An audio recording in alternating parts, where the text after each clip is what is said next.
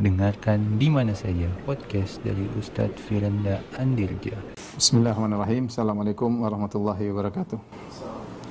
Alhamdulillahi ala ihsani wa syukru lahu ala taufiqihi wa amtinani wa asyhadu an la ilaha illallah wahdahu la syarika lahu ta'ziman li sya'ni wa asyhadu anna Muhammadan abduhu wa rasuluhu da'ila ridwani. Allahumma salli alaihi wa ala alihi wa ashabihi wa ikhwani. Para ikhwan dan akhwat yang dirahmati Allah Subhanahu wa taala, para jamaah Masjid Sunnah Bintaro yang dirahmati oleh Allah Subhanahu wa taala. Alhamdulillah uh, pada kesempatan kali ini kita dipertemukan kembali oleh Allah Subhanahu wa taala dalam rangka saling mengingatkan dan kita melanjutkan pembahasan kita masih tentang eh, hal-hal yang berkaitan dengan hari kiamat. Pada pertemuan lalu telah kita bahas tentang hari kebangkitan dan bagaimana uh, proses kebangkitan. Maka pada kesempatan kali ini kita akan bahas tentang padang mahsyar ya, tentang padang mahsyar.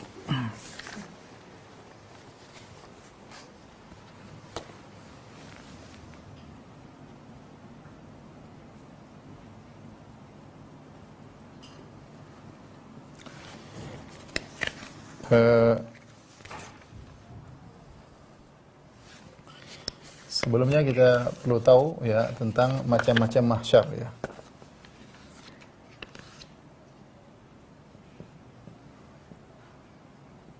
Atau macam-macam al-hasyar ya.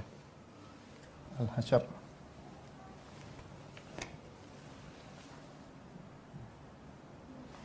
ada dua model ya. Yang pertama uh, al-hasyr di dunia kemudian al-hasyr di akhirat. Adapun yang di dunia ada dua ya. Yang pertama yang Allah sebutkan huwallazi akhrajal ladzina kafaru min ahlil kitabi li awalil hasyr min diyarihim li awalil hasyr dalam surat Al-Hasyr. Allah sebutkan tentang orang-orang Yahudi Bani Nadir kata Allah Subhanahu wa taala huwallazi أخرج الذين كفروا من أهل الكتاب من ديارهم لأول الحشر ma dhanantum ay yakhruju ya seterusnya ya tentang pengusiran Bani Nadir. Ini disebut juga dengan hasyr.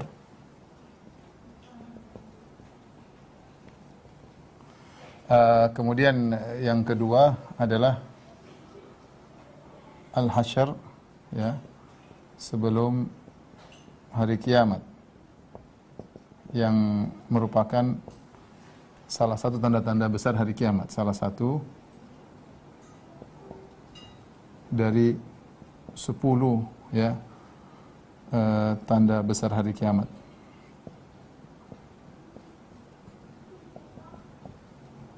yaitu eh, nar takhruju min qa'r adan yaitu api yang keluar dari uh, negeri Aden dari Yaman tahsyurun nas yaitu mendorong menggiring manusia ya. Kata Nabi wasallam narun takhruju min Aden tahsyurun nas. Api yang keluar dari kota Aden kemudian menggiring manusia ke ardil mahsyar ya. Tabitu haitsu batu taqilu haitsu Qalu ya di mana api tersebut bermalam bersama manusia, siang juga bersama mereka lagi istirahat, api juga diam, ketika waktunya bergerak, api mendorong mereka untuk bergerak. Ini dua hasyar di dunia. Adapun yang kita fokuskan adalah hasyar di akhirat. Ada dua hasyar di akhirat. Yang pertama uh, yaitu hasyar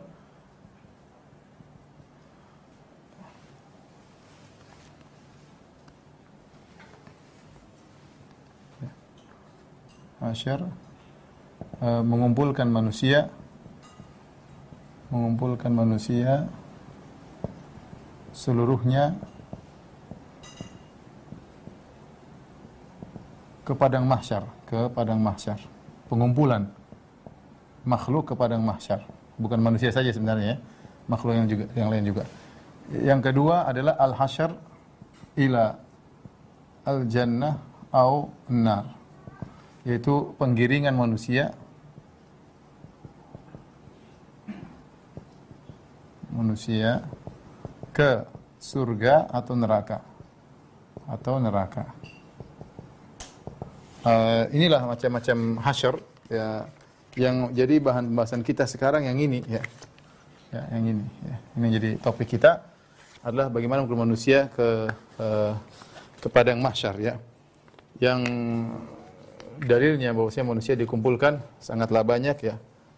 Dalil-dalilnya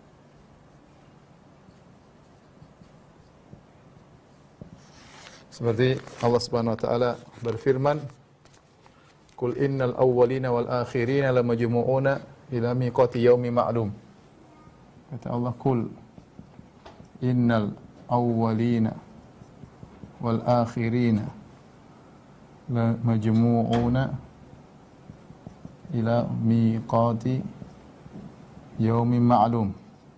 Artinya katakanlah bahwasanya dari yang pertama sampai yang terakhir ya semuanya akan dikumpulkan di waktu yang telah ditentukan yaitu di padang mahsyar.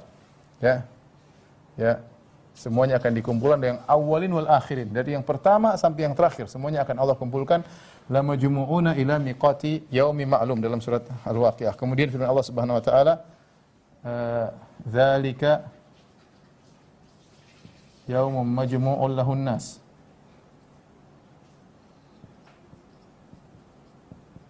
Dzalika yaumun mashhud. Dzalika yaumun masyhur dalam uh, surat Hud di akhir-akhir surat Hud. Kata, kata Allah, "Dzalika yaumun majmu'ul lahun nas wa dzalika masyhud." Hari di mana manusia dikumpulkan itu di hasyar ke padang mahsyar. Wa dzalika masyhud adalah hari yang dipersaksikan pada hari tersebut.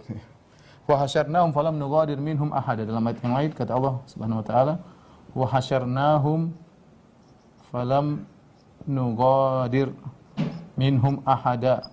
Kami kumpulkan mereka semua dan tidak seorang pun yang lolos dari kami. Semuanya dikumpulkan.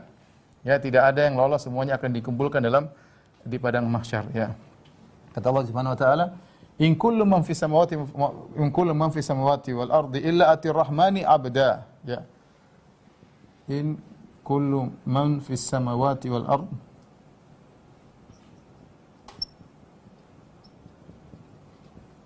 illa atir rahmani abda laqad ahsahum dan seterusnya wa addahum adda wa kulluhum atihi yaumal qiyamati farda ini semua di antara dalil-dalil bahwasanya manusia semua akan dikumpulkan di padang mahsyar untuk apa? Untuk disidang ya.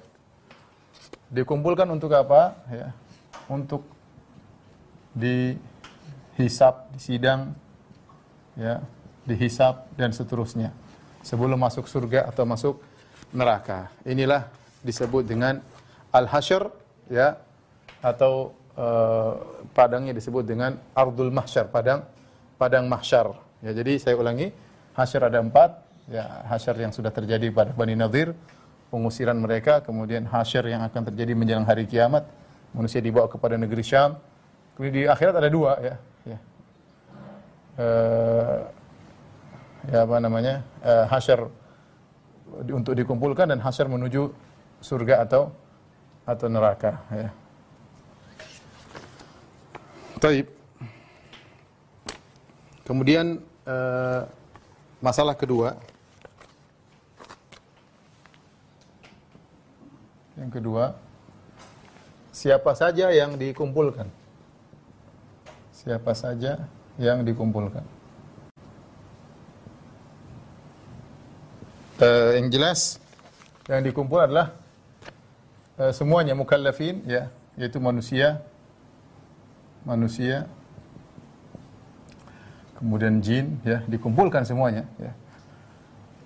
Termasuk nanti syaitan-syaitan syayatin kemudian dan uh, seluruh hewan ya. Ini ada khilaf di kalangan para ulama tentang seluruh hewan ya Uh, tetapi yang rojih bahwasanya seluruh hewan juga di uh, dikumpulkan. Adapun dalil bahwasanya seluruh hewan dikumpulkan dalilnya banyak atau dari hadis dan Al-Qur'an. Dalil hewan juga dikumpulkan, adapun dari Al-Qur'an kemudian hadis ya. Al-Qur'an ada tiga ayat yang bicarakan tentang uh, ini. Di antaranya firman Allah Subhanahu wa taala, "Wa min ayatihi khalqus samawati wal ard wa ma basa fihima min dabbah wa huwa ala jam'ihim idza yasha'u qadir. Dalam surat Syura kata Allah Subhanahu wa taala dan di antara tanda-tanda kebesaran Allah, Allah menciptakan langit dan bumi wa ma basa fihima min dabbah. Allah ciptakan di antara tanda Allah adalah Allah ciptakan apa yang Allah uh, letakkan di langit dan di bumi berupa hewan-hewan seluruh burung-burung yang terbang di udara ya. Wa huwa ala jam'ihim kalau Allah berkehendak untuk mengumpulkan mereka semuanya berkaitan termasuk dabah termasuk burung ya idza yasha'u qadir kalau berkehendak Allah akan kumpulkan mereka semuanya. Ini ayat yang pertama. Ayat yang kedua ayat yang sering yang pada kita semua pada hafal wa idza al-wuhushu husyirat. Wa idza al-wuhushu husyirat ya. E, ketika ketika binatang-binatang buas di dikumpulkan. Uh, berarti binatang kalau binatang buas dikumpul apalagi binatang-binatang yang tidak buas. Ya, jinak semuanya dikumpulkan oleh Allah Subhanahu wa taala. Mudah bagi Allah tinggal kun fayakun. Ya. Kemudian ayat yang ketiga dalam surat Al-An'am kata Allah Subhanahu wa taala, dalam surat At-Takwir, dalam surat Al-An'am kata Allah Subhanahu wa taala, "Wa ma min dabbatin fil ardi wala ta'irin yatiru bi janahihi illa umamun amsalukum ma farratna fil kitab min syai'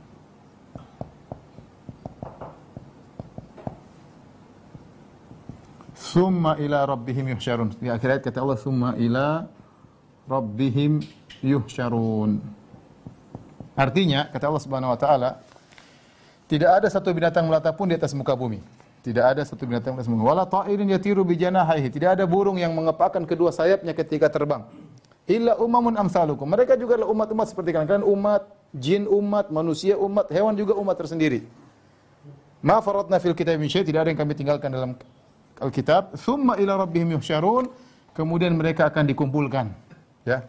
Di sini Allah sedang berbicara tentang hewan. Allah tidak bicara tentang uh, manusia secara apa namanya Allah ibtidaan di awal Allah bicara tentang hewan. Ya, mereka seperti kalian juga. Oleh karenanya mereka juga akan di, dibangkitkan. Tsumma ila rabbihim yuhsyarun. Ini dalil bahwasanya seluruh hewan juga akan di, dibangkitkan. Ya. Kemudian juga hadis, hadis uh, contohnya seperti uh, dalam Sahih Muslim Abu Hurairah radhiyallahu anhu Rasulullah SAW bersabda, "La tu'addunnal huquq ila ahliha yaumal qiyamah hatta yuqada li syati al-jalha min asyatil qarna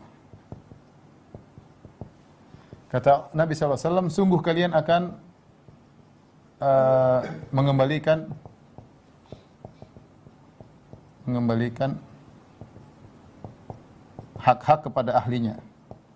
Hak-hak kepada pemiliknya. Pada hari kiamat.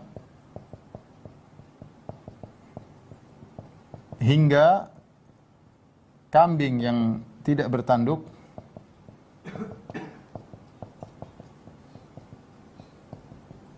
akan uh, mengkisos dari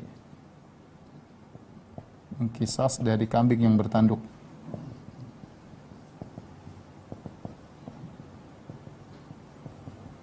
Jadi hewan-hewan juga dibangkitkan, namun hewan dibangkitkan bukan untuk masuk surga masuk neraka enggak, tapi untuk Allah tegakkan keadilan bahwasanya hewan-hewan ini cuma selesai sampai di padang mahsyar. Makanya Allah berfirman dalam ayat yang lain, kuni apa namanya? Uh, ya laitani kuntu turaba kata Kata orang kafir, ya laitani kuntu turaba. Kenapa dia mengatakan demikian? Karena dia melihat hewan setelah dikisos jadi tanah. Kuni turaba. Jadilah kalian tanah, ya. Jadi uh, perhatikan uh, bedanya, bedanya uh, kalau manusia bedanya bedanya ya. Manusia dikumpulkan untuk menuju surga atau neraka. Manusia dan jin di mahsyar untuk menuju surga atau neraka. Adapun hewan ya ya untuk dikisos lalu jadi tanah. Uh, kita perlu menyampaikan hari ini kenapa? Karena untuk menjelaskan bahwasanya padang mahsyar adalah hari yang sangat mengerikan karena bukan manusia aja yang dibangkitkan, hewan, kita ada singa, ada macan, ada gajah, ada hewan-hewan semua yang pernah ada Allah bangkitkan dan itu mudah bagi Allah Subhanahu wa taala. Wa huwa ala jam'ihim idza yasha'u qadir. Kalau Allah ingin mengumpulkan mereka, maka mudah bagi Allah Subhanahu wa taala. Eh, uh, taib. Yang berikutnya adalah uh, padang mahsyar ya. Sifat padang mahsyar.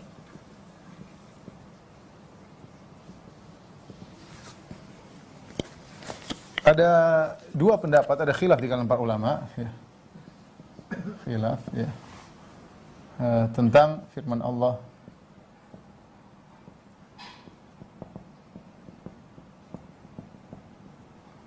yauma tubaddalul ardu yauma tubaddalul ardu ghairal ard. Yang artinya hari e, bumi diganti dengan bumi yang lain. Bumi yang lain. Nah uh, dalam surat Ibrahim. Ya. pertanyaannya Diganti di sini maksudnya apa? Ada khilaf di kalangan para para ulama. Ada yang mengatakan diganti maksudnya bumi yang baru, bumi yang baru, yang lama bukan yang lama, tidak ada kaitan dengan yang lama. Tidak ada kaitan dengan yang lama, dengan bumi yang lama.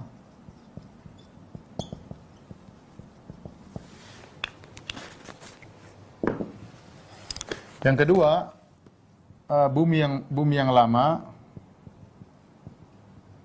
tapi dimodif. Tapi dimodif oleh Allah. Modifikasi oleh Allah. Sehingga menjadi bumi yang baru yang akan dijadikan tempat untuk berkumpulnya manusia. Dan Allah alam bisawab pendapat yang lebih kuat adalah pendapat ini. Ini pendapat yang lebih uh, lebih kuat. Adapun dalilnya uh, dalil Allah Subhanahu wa taala e, berfirman di antaranya wa idzal ardu muddat.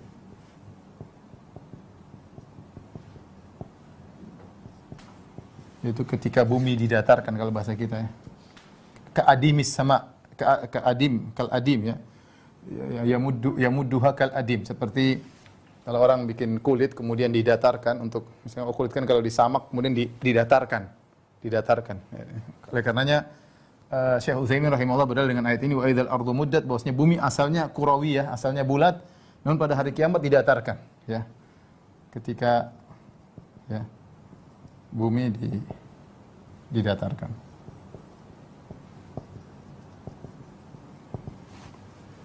Kemudian juga firman Allah Subhanahu wa taala uh, إذا زلزلت الأرض زلزالها وأخرجت الأرض أثقالها وقال الإنسان ما لها يومئذ تحدث أخبارها yauma idzin tuhadditsu akhbaraha. Di antara tafsiran hari tersebut bumi pada hari itu bumi menceritakan kabar-kabarnya.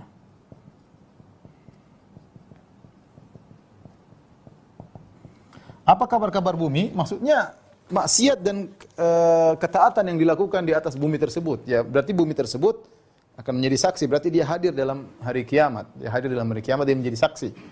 Orang bermaksiat di atas dia dia akan sampaikan menjadi saksi. Orang berketaatan kepada Allah dia akan menjadi saksi. Makanya sebenarnya mengatakan di antara hikmah kenapa seorang tatkala sholat id dia pergi dari jalan yang satu balik dari jalan yang lain dalam rangka untuk berbanyak saksi bagi dia pada hari kiamat. Ini dalil-dalil yang merojihkan bahwasanya uh, bumi yang uh, yang yang yang di yang kita pijak sekarang inilah Tentu ini masalah khilaf ya, ini juga mereka punya dalil tapi saya lebih condong pada dalil yang mengatakan uh, bumi adalah bumi yang sama uh, tetapi di di apa namanya? dimodif oleh Allah Subhanahu wa taala. Kemudian adapun proses ya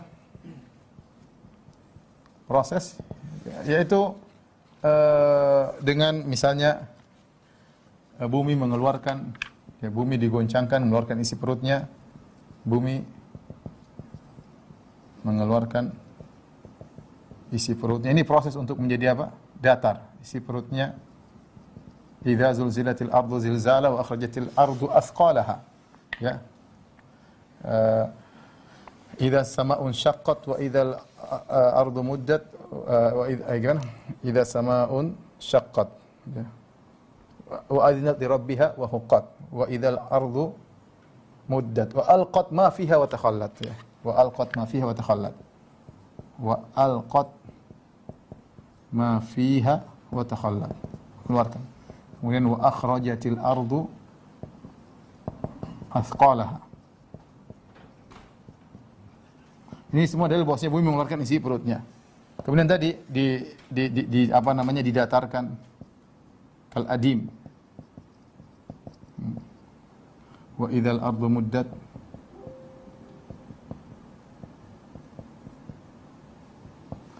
Uh, kemudian gunung-gunung dilepaskan. Jadi semua yang tinggi-tinggi Allah angkat ya.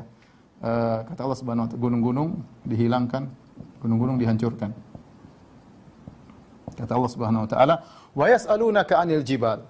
Dalam surat Thaha, "Wa yas'alunaka 'anil jibal, fakul yansifuha rabbi nasfa, fayadharuha qa'an sawsafa la tara fiha 'iwaja wala amta." Kata Allah, "La tara fiha iwajan wala amta." Mereka bertanya kepada engkau tentang gunung. Katakanlah, ya, uh, fakul yansifuha rabbi nasfa. Tuhanku akan akan menghancurkan gunung tersebut, dicabut dari akarnya, kemudian digoyangkan, kemudian kal ihnil mamfu seperti uh, apa namanya kapas yang berterbangan, kemudian ditabrakan, kemudian hancur. Setelah itu kata Allah, la tarofiha iwaja wala amta. Kau lihat di bumi tersebut tidak ada tidak ada lubang, tidak ada tinggi, tidak ada lembah, tidak ada gunung. Bumi menjadi datar. La tarofiha iwajan wala amta. Ya. Engkau tidak engkau lihat di bumi tidak ada gunung, tidak ada lembah. Ini semua proses untuk menjadikan bumi sebagai bumi yang datar. Ya, setelah itu bumi menjadi datar, sehingga tentu menjadi semakin luas karena didatarkan oleh Allah Subhanahu wa taala. Ya, eh, kemudian cukup untuk ya, ya Allah mau terserah Allah mau bikin kayak apa. Tapi intinya manusia dan seluruhnya cukup untuk dikumpulkan di atas padang mahsyar uh, tersebut. Uh, dalam hadis sifat padang mahsyar, mahsyar dalam hadis kata Nabi sallallahu alaihi wasallam يحشر الناس يوم القيامة. يحشر الناس يوم القيامة على أرض بيضاء عفراء كقرصة النقي.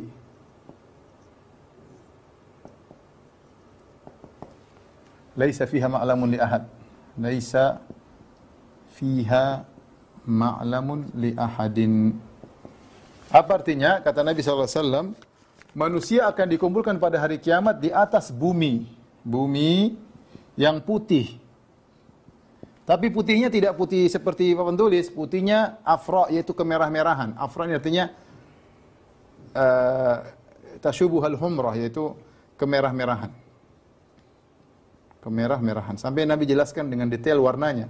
Kakursatin nakhi seperti uh, roti yang, yang yang bersih seperti ya, roti yang bersih yang tidak dicampur macam-macam ya roti tidak tidak putih banget kalau kita gandum tidak putih banget ya dia putih ke merah-merahan ya laisa fiha ma'lamun li ahad tidak ada di bumi tersebut, di padang tersebut. Maklam yaitu tanda-tanda, tanda-tanda milik seorang pun. Tanda-tanda milik seorang pun. Maksudnya apa tanda-tanda tersebut? Tidak ada jalan, tidak ada pelakat, uh, tidak ada rumah, tidak ada gunung, tidak ada lembah, tidak ada pohon, tidak ada tanda yang membedakan satu dengan yang lainnya. Kita kalau ingin tahu arah kan atau ingin sesuatu ada tandanya. Oh ada tandanya ini. Di sana nggak ada tanda apa pun di atas dataran tersebut. Sehingga ketika datar seperti ini, ya, ketika datar seperti ini, tidak ada tempat sembunyi. Mau sembunyi di mana? Ya, tidak ada tempat sembunyi, tidak ada tempat berteduh. Tidak ada tempat berteduh. Siapa mau sembunyi? Kata Allah Subhanahu wa taala, ya, "Yauma idzin tu'raduna la takhfa minkum khafiyah." Yauma idzin tu'raduna la takhfa minkum khafiyah. Kata Allah Subhanahu wa taala, hari tersebut kalian akan dipaparkan di hadapan Allah, la takhfa minkum khafiyah, tidak ada yang bisa sembunyi dari kalian, enggak ada, tidak ada yang bisa sembunyi. Semua dilihat oleh Allah Subhanahu wa taala. Asalnya memang tidak ada tempat untuk sembunyi. Mau sembunyi di bawah pohon-pohon enggak ada. Di gunung, goa semuanya enggak ada. Datar semuanya. Kemudian tidak ada tanda apa pun di padang tersebut. Baik, tolong dihapus.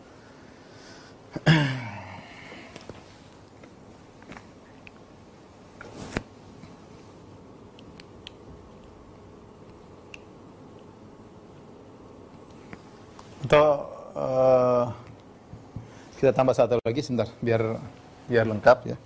Baru kita masuk pada yang berikutnya. Uh, yang berikutnya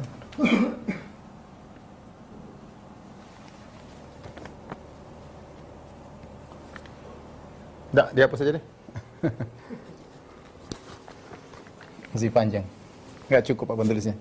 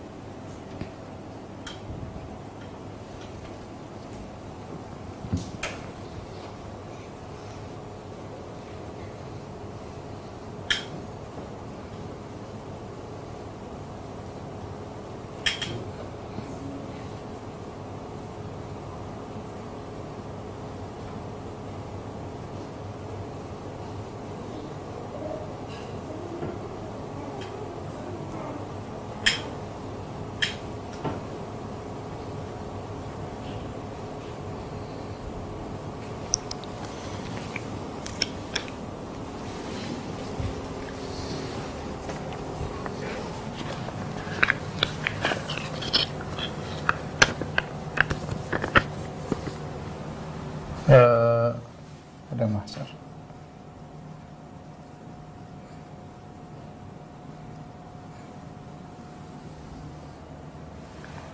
Eh, proses ya. Proses hasyar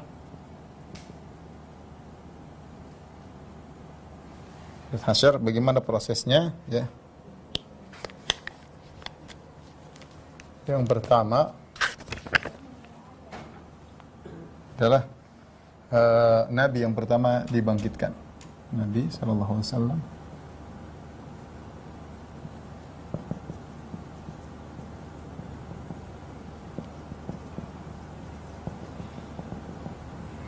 Dalam hadis kata Nabi Alaihi Wasallam, Ana sayyidu waladi Adam yaumal qiyamah. ولا فخر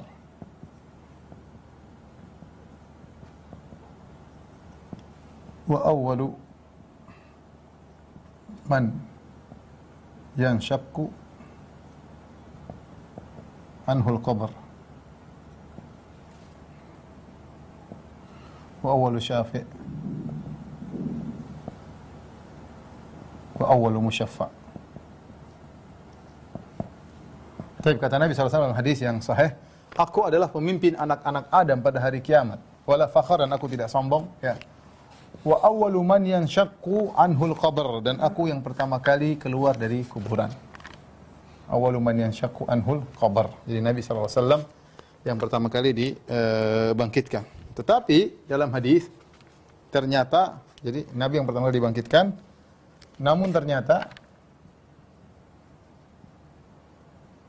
Nabi Musa sudah sadar. Sudah sadar ketika itu.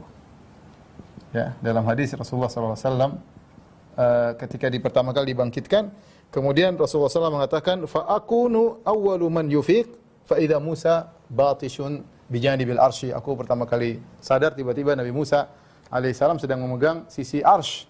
Ya. Maka Nabi mengatakan fala adri hal afaqa qabli dalam riwayat am husiba bi saqatil tur dalam riwayat au mimma mimman Allah. Aku tidak tahu apakah Musa saya, saya waktu sadar dia sudah bangun, sudah pegang arsy Allah Subhanahu wa taala, ya, salah satu sisi arsy Allah. Kemudian uh, aku tidak tahu apakah dia tidak ikut ya uh, pingsan ketika itu ataukah apakah dia sudah dibangkitkan sebelum aku dalam sebagian riwayat uh, ambu isa qabli.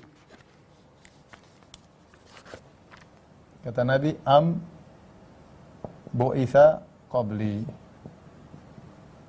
Aku tidak tahu apakah Musa Musa dibangkitkan sebelumku.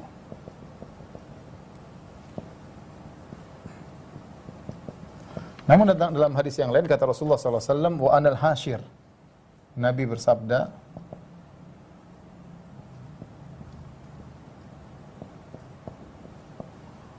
wa ana al-hashir alladhi yuhsyarun nas tahta qad qadami aku adalah yang al-hashir yang orang-orang di dikumpulkan uh, setelahku ya orang-orang dikumpul jadi yang pertama kali dikumpul adalah Nabi sallallahu alaihi wasallam. Jadi manusia dikumpulkan, ya, nanti akan lihat kita akan ceritakan tentang proses bagaimana orang kafir, bagaimana orang beriman pada pembahasan berikutnya insya Allah. Yang kedua, uh, manusia dikumpulkan atau dibangkitkan pertama kali dikumpulkan. Dalam kondisi telanjang. telanjang. Belum disunat. Tidak pakai alas kaki. Tidak ada yang dibawa. Kata Nabi SAW dalam hadis Aisyah yuhsyarun nasu qiyamah hufatan uratan ghurlan buhman manusia dikumpulkan pada hari kiamat kelak di hasyr dalam kondisi hufat tidak pakai alas kaki dalam kondisi uratan tidak berpakaian dalam kondisi gurlan belum disunat dalam kondisi buhman tidak bawa apa-apa. Nabi membacakan firman Allah Subhanahu wa taala kama bada'na awal kama bada'na awwal khalqin nu'idu wa'dan alaina. Kata Nabi Nabi bacakan firman Allah sebagaimana kami mulai penciptaan kami ulangi lagi. Maksudnya apa? Sebagaimana seorang tatkala keluar dari perut ibunya dia dalam kondisi tidak beralas kaki dalam kondisi tidak berpakaian belum disunat tidak bawa apa-apa maka dibangkitkan juga manusia pada hari kiamat dalam kondisi demikian ya makanya Aisyah radhiyallahu taala anha ketika mendengar hadis ini berkata ya Rasulullah alaisa Rijal wan nisa, laki-laki dan perempuan dibangkitkan bersama-sama dalam kondisi demikian. Rasulullah, iya. Kemudian Aisyah berkata, "Alaysa yanzuru ba'dhum ila awrati ba'd?" Bukankah sebagian akan melihat aurat yang lain? Kata Nabi SAW, Al-amru asyaddu min an yanzura ba'dhum ila awrati ba'd. Perkaranya lebih dahsyat sampai orang tidak berfikiran untuk melihat hal-hal demikian. Kenapa? Karena hari sangat mengerikan. Oleh karena saya Utsaimin ketika membawakan hadis ini mengatakan waqat ra'aina ra'yal ain mithla dzalik. Kami melihat ada sesuatu yang mirip seperti ini. Ketika terjadi peristiwa terowongan Mina, Orang-orang lari, sebagian mereka pakaian mereka terlepas dan mereka tidak pedulikan.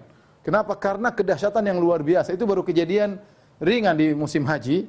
Tetapi ketika itu ketakutan yang biasa, orang tidak peduli dengan kondisi mereka yang tidak berpakaian sama sekali. Bagaimana lagi dengan hari hari uh, kiamat? Ya, hari kiamat. Sama seperti sebagian kawan yang mengalami tsunami di Aceh, dia mengatakan juga, kepada tersebut banyak orang bajunya lepas, tapi tidak peduli.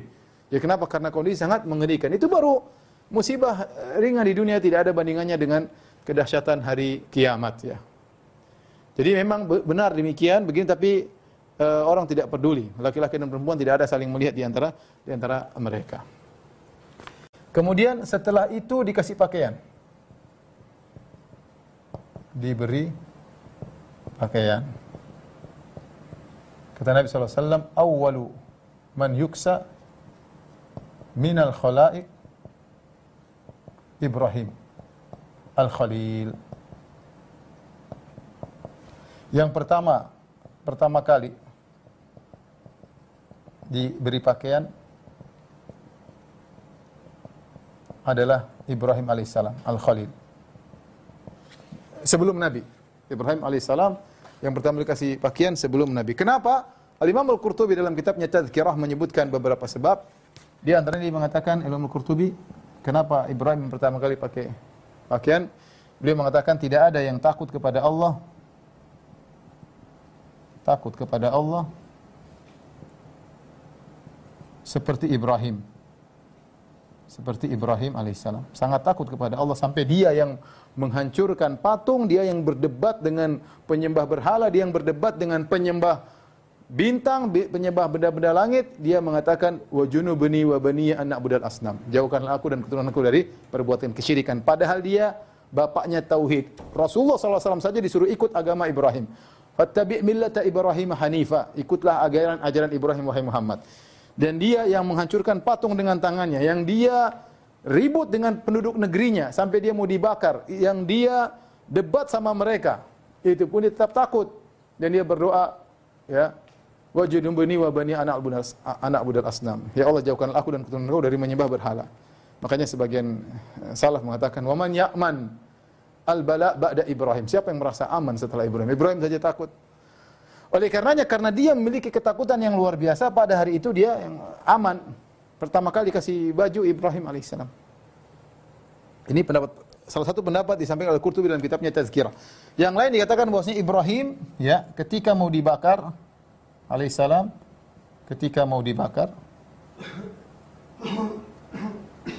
dibuka bajunya dan itu kebiasaan mereka dulu ya mereka ingin menyalip, mereka ingin bakar, mereka ingin menyiksa, maka baju dibuka.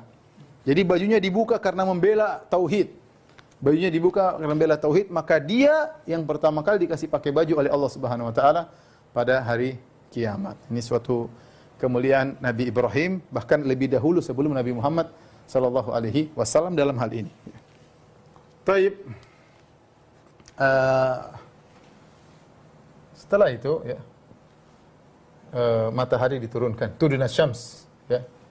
Matahari diturunkan, didekatkan. Kodro mil, seukuran satu mil. Satu mil maksudnya mil buat celak atau mil seperti ukuran tapi satu mil ya paling satu koma kalau kita ikut satu mil satu mil satu koma delapan kira-kira satu delapan kilo kilometernya dekat banget ya. Sangat dekat dan itu, itu sangat panas luar uh, luar biasa.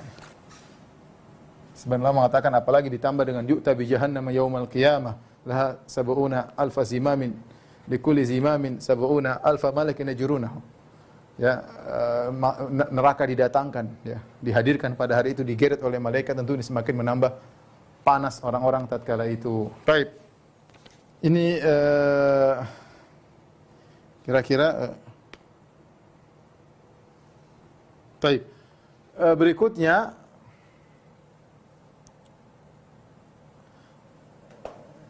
dibangkitkan pas kebangkitan ya. Saya tulis di sini lah ya. Proses dikumpulkan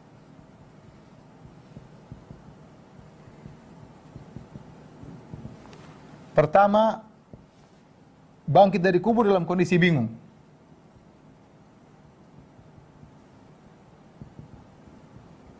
Dalam kondisi bingung. Allah sebutkan dalam banyak ayat di antaranya yakhrujuna minal ajdati ka'annahum jaradun muntasir. Yakhrujuna minal ajdati ay kuburan, jenis maksudnya kuburan ka'annahum jaradun muntasir. Mereka keluar dari kuburan seperti belalang yang berterbangan. Keluar dari kuburan seperti belalang yang berterbaran. Bertebaran. Belalang datang ke sana kemari kanan kiri depan belakang bingung mau ke mana. Pokoknya kaget kondisi kaget ya. Mamba asana mimmal qadina hada siapa yang bangkitkan kita? Mereka bingung. Seperti juga Allah firmankan dalam ayat, ayat yang dalam yang lain yauma yakunun nasu kal farashil mabsus. Yauma yakunun nasu kal farashil mabsus Uh, al-faras maksudnya adalah laron, laron yang berhamburan, begitulah manusia dibangkit. Ini pertama kali ketika dibangkitkan. Namun setelah itu mereka terarah. Yang kedua, setelah itu mereka terarah. Setelah itu mereka diarahkan dengan suara. Arahkan dengan uh, suara. Ada yang suara malaikat ya. Ya. Kata Allah, "Fatawalla anhum yauma yad'u ila syai'in nukur." Khusya'an absaruhum yakhrujuna minal adadathi ka'annam jarad muntashir muhti'ina ila da' ya kata Allah Subhanahu wa taala fatawalla anhum yauma yad'u da'i muhti'ina ila da'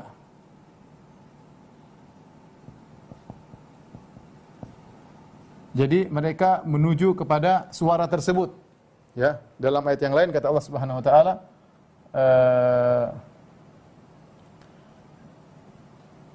dalam surat Toha yaitu Allah mengatakan yauma idzi yattabi'una ad-da'iya la iwajalah. Yauma idzin yattabi'una da'iya la iwajalah. Wa khashi'atil aswatu lirrahmani fala tasma'u illa hamsa. Dalam surat Toha dalam surat Qamar. Kata Allah yauma idzin pada hari tersebut yattabi'una ad-da'iya mereka mengikuti suara ada suara yang menggiring mereka menuju ke suatu tempat padang mahsyar. Kata Allah, la iwajalah, tidak bisa belok kanan, tidak bisa belok kiri. Mereka ngikut suara tersebut. Digiring oleh suara tersebut ke padang mahsyar. La iwajalah wa khasya'atil aswatu, suara semua khusyuk, diam, tidak ada yang bicara. Fala tasma'u illa hamsa, tidak kau dengar kecuali desisan. Desis apa? Ada yang mengatakan mereka bicara pelan-pelan takut, ada yang mengatakan desis maksudnya suara langkah kaki yang hanya mereka dengar. Tidak ada yang boleh bicara pada hari tersebut. Jadi ini proses mereka tergiring pada padang mahsyar untuk dimulai persidangan. Taib. Uh, pembahasan terakhir yang kita akan bahas adalah kondisi manusia di padang mahsyar.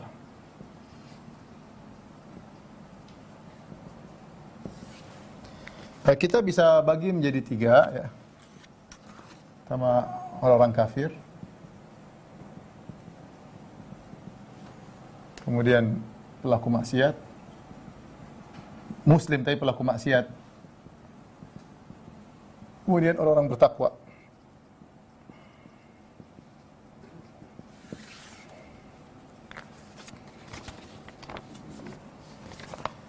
Taib, adapun orang-orang kafir, maka kondisi mereka ya ketika dibangkitkan dalam dibangkitkan di atas wajah mereka jalan dengan wajah mereka bukan dengan kaki. Dengan wajah bukan dengan kaki. Ya makanya Allah Subhanahu wa taala berfirman uh, dalam wa nahsyurhum yaumal qiyamati ala wujuhihim kata Allah. Wa nahsyuruhum yaumal qiyamati ala wujuhihim umyan wa summan wa bukman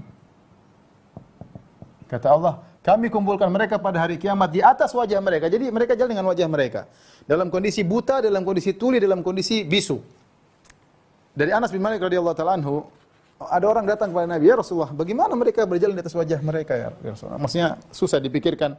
Namanya kalau jalan ada kaki dua kan. Ini gimana jalan di atas wajah? Maka Nabi SAW menjawab dengan mudah. Ya, bahwasanya Allah Maha Kuasa kata, kata Nabi SAW, Alaysa alladhi amshahu fid dunya ala rijlaihi qadiran ala an yumsiyahu ala wajhihi? Bala.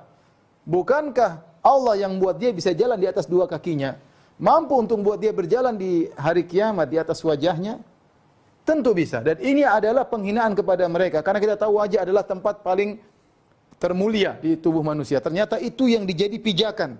Kenapa selama ini mereka di dunia tidak mau sujud kepada Allah Subhanahu wa taala? Maka pada hari tersebut mereka dibangkitkan dalam kondisi terbalik, otak mereka nggak pernah mereka pakai untuk menyembah Tuhan dan mereka malah menyembah makhluk, menyembah nabi, menyembah hewan, menyembah pohon. Oleh karenanya mereka dibalik ya tadi otak mereka nggak pernah mereka pakai kedua penghinaan karena wajah adalah tempat yang paling mulia ketika mereka enggak pernah sujud kepada Allah Subhanahu wa taala. Ini kondisi uh, orang-orang kafir. Mereka dibandingkan dalam wajah uh, dengan wajah bukan dengan kaki seperti juga firman Allah Subhanahu wa taala uh, alladzina yuhsyaruna ala wujuhihim ya. Dalam ayat yang lain. Kemudian juga tadi dalam kondisi buta dalam kondisi uh, dalam kondisi buta tuli, kemudian bisu, ya. Uh, seperti kata Allah Subhanahu wa taala, "Wa man a'rada" dalam surat Thaha, "a'rada an dzikri fa inna fa inna lahu ma'isyatan dhanka." Wa nahsyuruhum wa nahsyuruhu yaumal qiyamati a'ma. Qala rabbi lima hasyartani a'ma? lima lima asyartani a'ma wa qad kuntu basira dan seterusnya qala kadzalika atatka ayatuna fanasitaha wa kadzalika al-yawma tunsa Barang siapa berpaling dari peringatanku, dari Al-Quran, dari peringatanku, fa inna lahu ma'isyatan dhanka, bagi dia kehidupan yang menyesakkan di dunia maupun di alam barzah. Wa nahsyuruh yaumal qiyamati ya'ma dan kami akan membangkitkan dia pada hari kiamat dalam kondisi buta. Qala rabbi lima hasyartani a'ma. Ketika dia dibangkitkan dia berkata, "Ya Allah, kenapa kau kumpulkan aku dalam kondisi buta? Wa qad kuntu basira." Jadi saya bisa melihat ya Allah. Kata Allah, "Qala kadzalika atatka ayatuna fanasitha." Telah datang ayat-ayat kami kau meninggalkannya. Wa kadzalika al-yauma tunsa, maka pada ini kau ditinggalkan. Tidak diperlukan Allah Subhanahu wa taala. Ini kondisi mereka berjalan sewajah, kondisi buta, belum wajah mereka hitam. Yauma tabyadu wujuhu wa taswaddu wujuh. Wajah mereka apa? Hitam ya. Tetapi sebelum saya lanjutkan, Eh, kita tahu bahwasanya dalam kondisi yang lain, dalam kondisi yang lain, mereka berbicara, mereka melihat kondisi yang lain, mereka melihat, berbicara, mendengar. Kata para ulama, karena Eh, di alam di, di, di hari kiamat ber, banyak sekali apa namanya maukif, banyak sekali kondisi ini kondisi ini. Intinya dalam satu kondisi di awal-awal mereka dibangkitkan seperti ini. Nanti Allah kembalikan penglihatan mereka. Nanti Allah dalam rangka untuk mengadab mereka. Nanti Allah kembalikan pendengaran mereka. Nanti Allah buat mereka bisa bicara. Kadang mulut mereka ditutup, kadang mereka bisa bicara untuk mengutarakan kesedihan mereka, untuk menuntut orang-orang yang telah menyesatkan mereka supaya semakin bertambah siksa mereka. Mereka melihat azab mereka. Tapi awalnya mereka dalam kondisi demikian, dalam di atas wajah tidak bisa melihat, tidak bisa mendengar, tidak bisa bicara. Nanti kemudian mereka tidak bisa melihat, mulai bisa bicara dan nanti ada kondisi lain di mana mereka bisa berbicara, bisa mendengar, bisa melihat tapi dalam kondisi yang lain untuk menambah adab bagi bagi mereka ya. Ya. Tarhaquha qatara ulaika humul kafaratul fajara. Di antara kondisi mereka orang-orang kafir apa? Uh, wajah hitam. Hitam ya. Penuh debu kehinaan penuh dengan tanah penuh dengan tanah sebenarnya mengatakan kenapa penuh dengan debu karena keringat mereka sampai di muka mereka jadi keringat mereka penuh dan penuh dengan debu. Ya. Wujuhu yawma idzin 'alaiha ghabarah tarhaquha qatarah. Ulaika humul kafaratul fajarah. Ayat tersebut ada wajah yang penuh dengan debu dengan penuh kehinaan. Yauma tabyadu wujuhu wa taswaddu wujuh, hari di mana wajah mereka hitam. Ya dipermalukan pada hari Eh, tersebut ya dimulakan pada hari ini kondisi mereka. Kemudian ketakutan, mata terbelalak, terbelalak, ya. Kemudian jantung naik sampai sampai ke dada, ya sampai ke leher, saking ketakutannya. Mata biru dan banyak ya kalau kita lihat dalam ayat banyak sekali bagaimana kondisi mereka. Uh, kata Allah, yauma idzin zurqa. Hari tersebut mereka dikumpulkan dalam kondisi zurqa, biru. Ada yang matanya biru, ada yang mengatakan badannya biru saking ketakutan yang luar biasa, ya.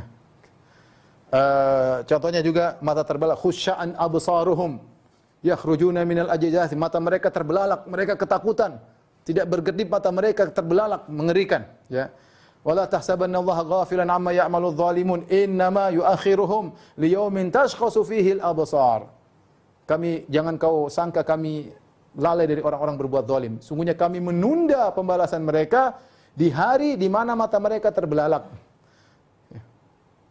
La yartaddu ilaihi tarfuhum wa afidatuhum hawa. Mata mereka terbelalak dan tidak berkedip.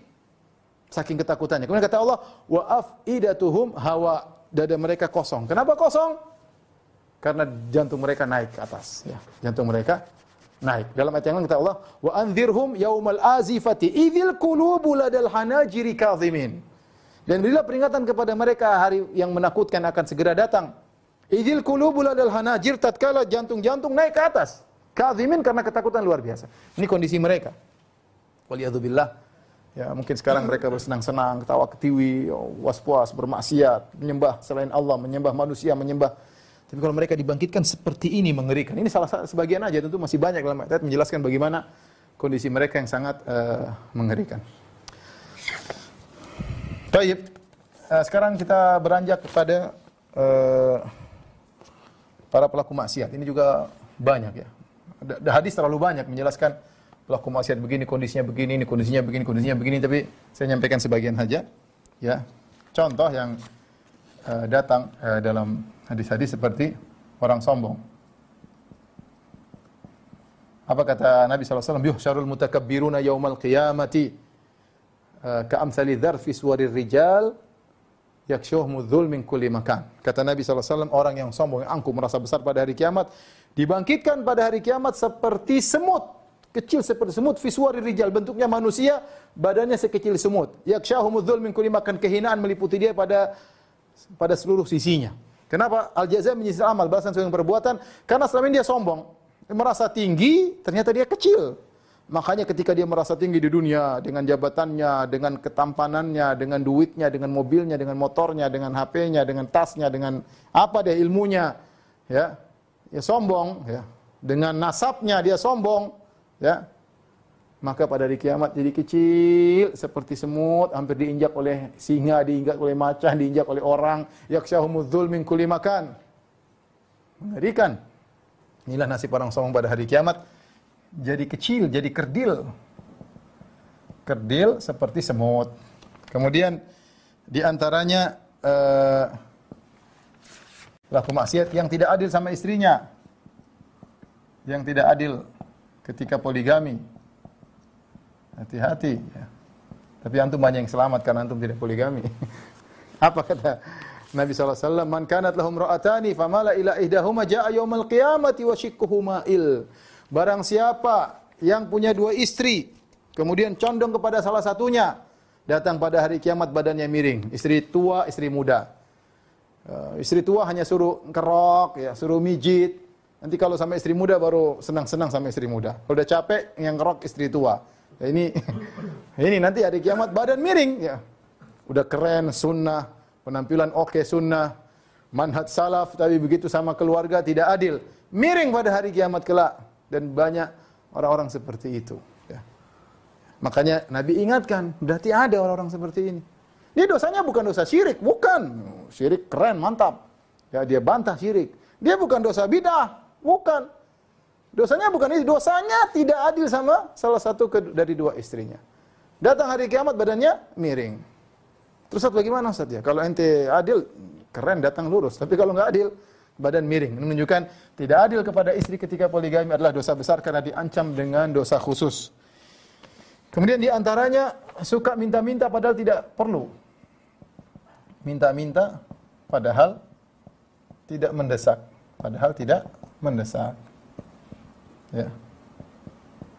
Kata Nabi SAW, La tazalul mas'alatu bi ahadikum hatta yalqallaha yawmal qiyamah wa laysa ala wajhi muz'atu lahmin. Ya.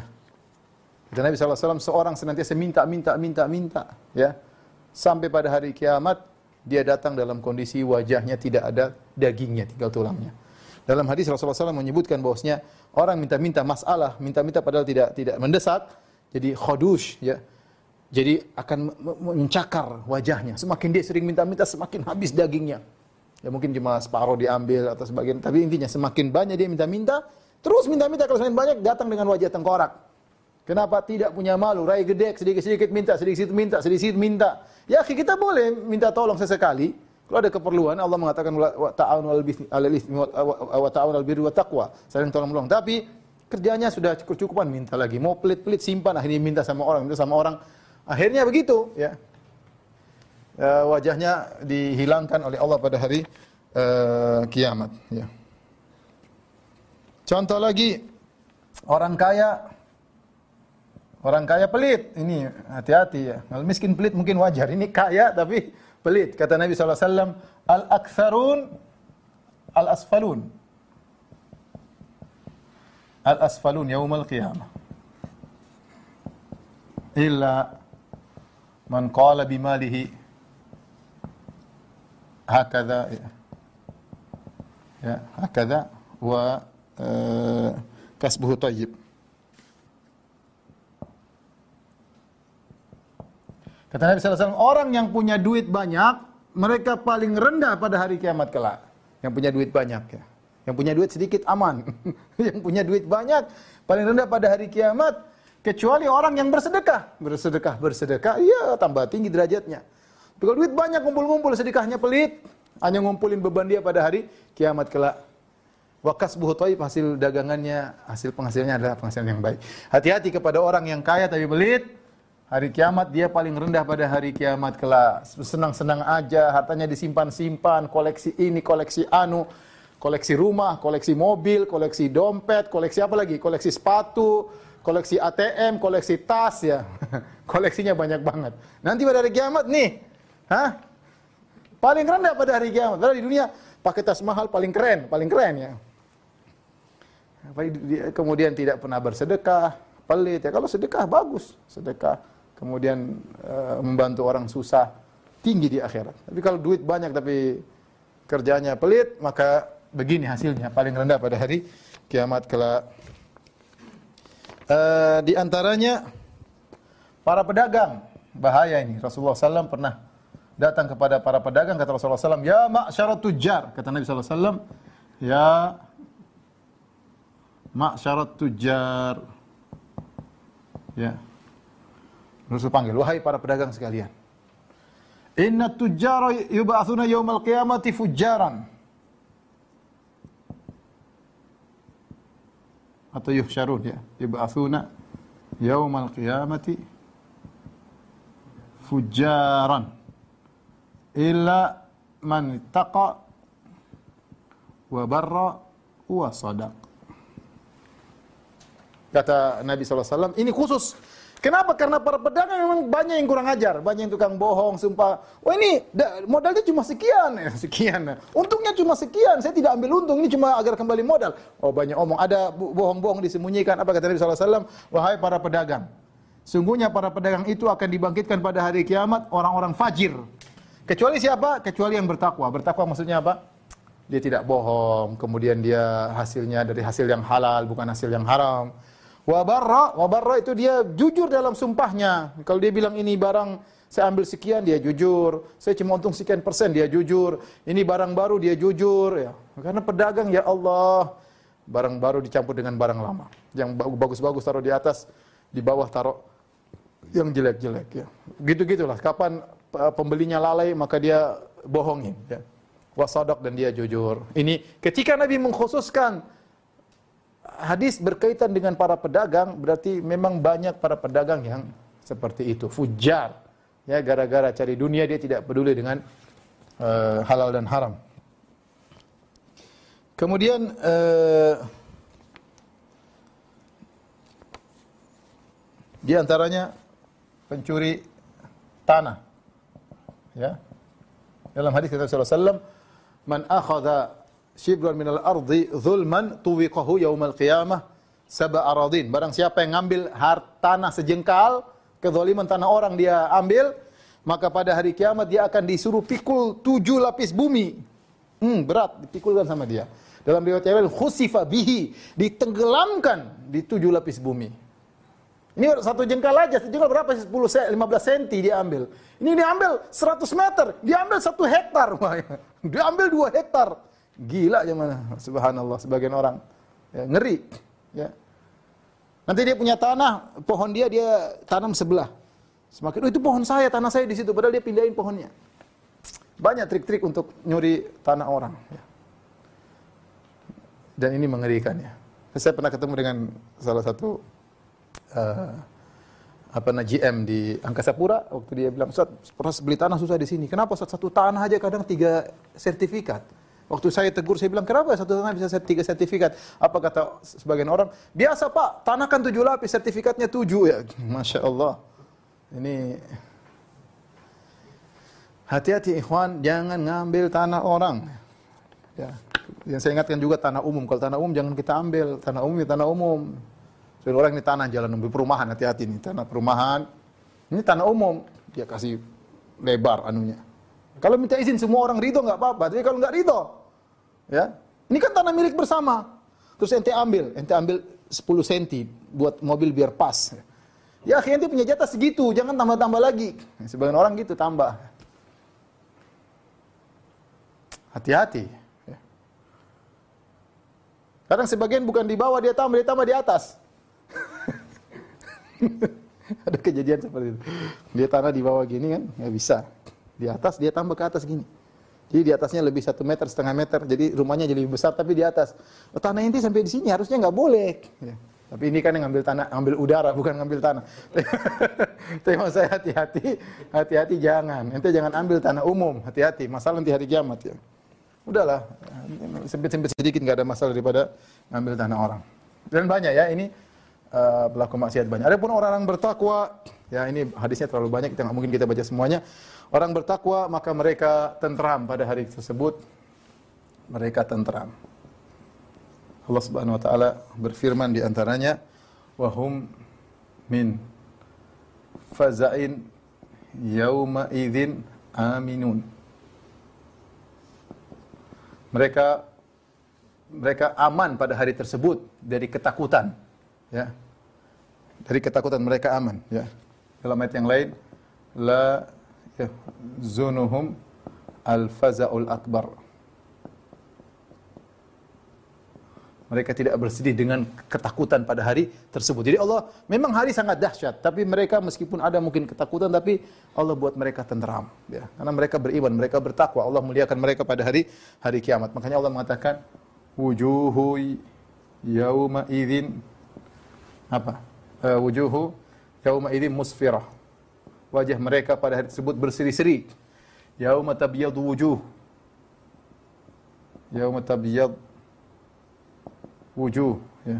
hari di mana wajah mereka putih berseri-seri ya jadi Allah muliakan Allah muliakan mereka ya kata Allah ala inna awliya Allah la khaufun alaihim wa lahum yahzanun alladzina amanu wa kanu yattaqun ya la khaufun alaihim wa lahum yahzanun alladzina amanu wa kanu yattaqun lahumul busra fil hayatid dunya wa fil akhirah fil hayatid fil akhirah jadi mereka tidak ada ketakutan, tidak ada kesedihan. Bagi mereka kabar gembira di dunia maupun di akhirat, termasuk di antaranya di padang di padang mahsyar. Allah juga berfirman, "Fawaqahumullahu syarra dzalikal yaum." Fawaqahumullah fawaqahumullah syarra dzalikal yaum. Maka Allah melindungi mereka dari keburukan hari tersebut. Kata Allah dalam ayat yang lain, yaqulul kafiruna hadza yaumun asir. Orang-orang kafir berkata, ini hari yang sangat susah. Berarti mafhum mukhalafahnya bagi orang beriman tidak susah. Ya, bagi orang beriman tidak tidak susah. Jadi secara umum orang bertakwa mereka dimuliakan oleh Allah Subhanahu uh, wa taala ya. Adapun perincian orang-orang bertakwa banyak dalam hadis-hadis ya. Contoh ya contoh dimuliakannya mereka.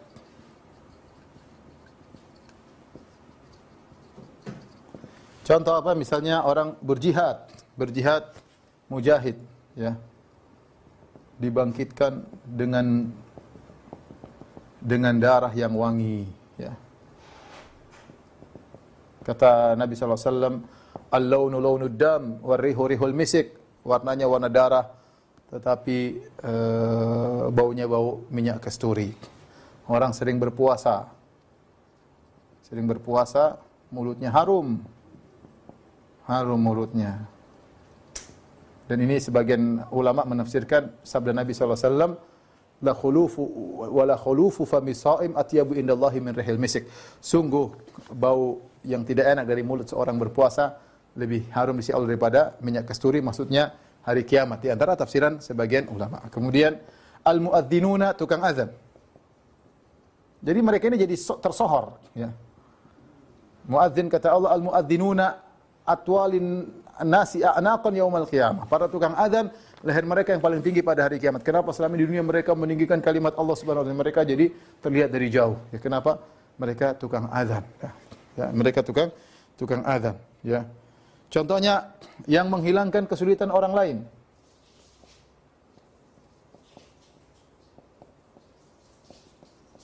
Kesulitan orang lain.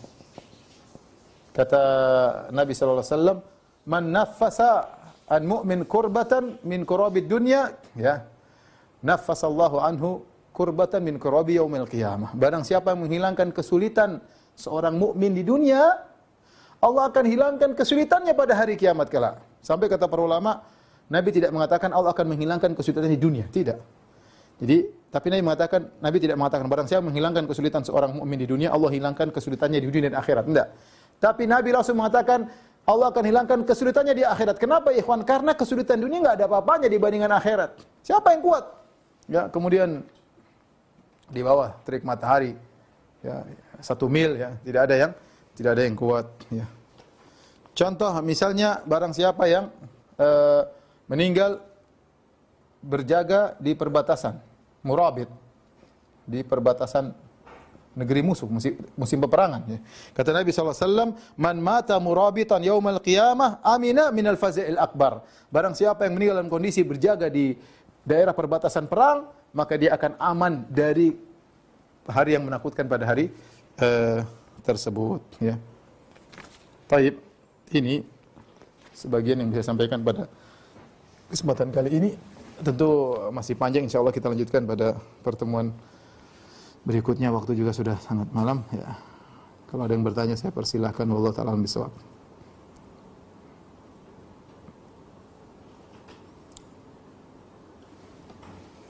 Ini nanti ada yang bertanya tentang uh, tentang pendapat yang mengatakan neraka tidak kekal ya. Ini tidak ada pembahasan tersendiri ya. Itu pendapat yang salah. Uh, sebagai mereka berdalil dengan akal, kita bilang akal harus ditundukkan dengan dalil ya. Akal harus ditundukkan dengan dalil. Tapi ada pembahasan khusus insyaallah taala.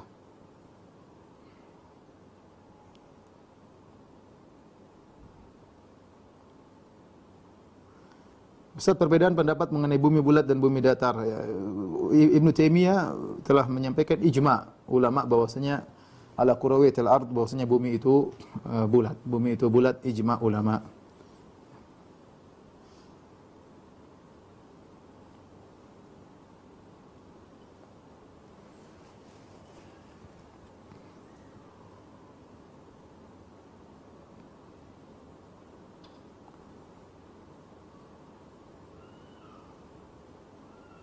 Pak Ustadz, apakah jin juga dibangkitkan di, di padang mahsyar? Ya, dibangkitkan. Jin dibangkitkan. Setan juga dibangkitkan. Saya tadi sudah sebutkan setan dibangkitkan, jin dibangkitkan, eh, orang-orang uh, kafir dibangkitkan. Saya lupa orang kafir dibangkitkan bersama penjahat-penjahat. Kata Allah Subhanahu wa taala, "Oh syurul ladzina zalamu wa azwajahum wa makanu ya'budun." Kumpulkanlah orang-orang zalim dengan yang setipe dengan mereka. Orang-orang zalim dikumpulkan, orang kafir dikumpulkan uh, bersama mereka ya. Uh, fa wa rabbika lanahsyurannahum wasyayatin ya. Thumma lanuhdhirannahum haula jahannam jithiya kata Allah demi Rabbmu uh, kami akan kumpulkan manusia orang-orang kafir wasyayatin dengan setan-setan mereka. Jadi kumpulkan oleh Allah Subhanahu wa taala. Demikian juga jin. Jin dikumpulkan. Kalau ada manusia yang zalim kepada jin seharusnya dia bisa tuntut pada hari kiamat kala ya. Seharusnya dia bisa sebagaimana manusia di dizalimi oleh jin. Meskipun saya tidak menemukan nas tapi eh, konsekuensinya harusnya demikian.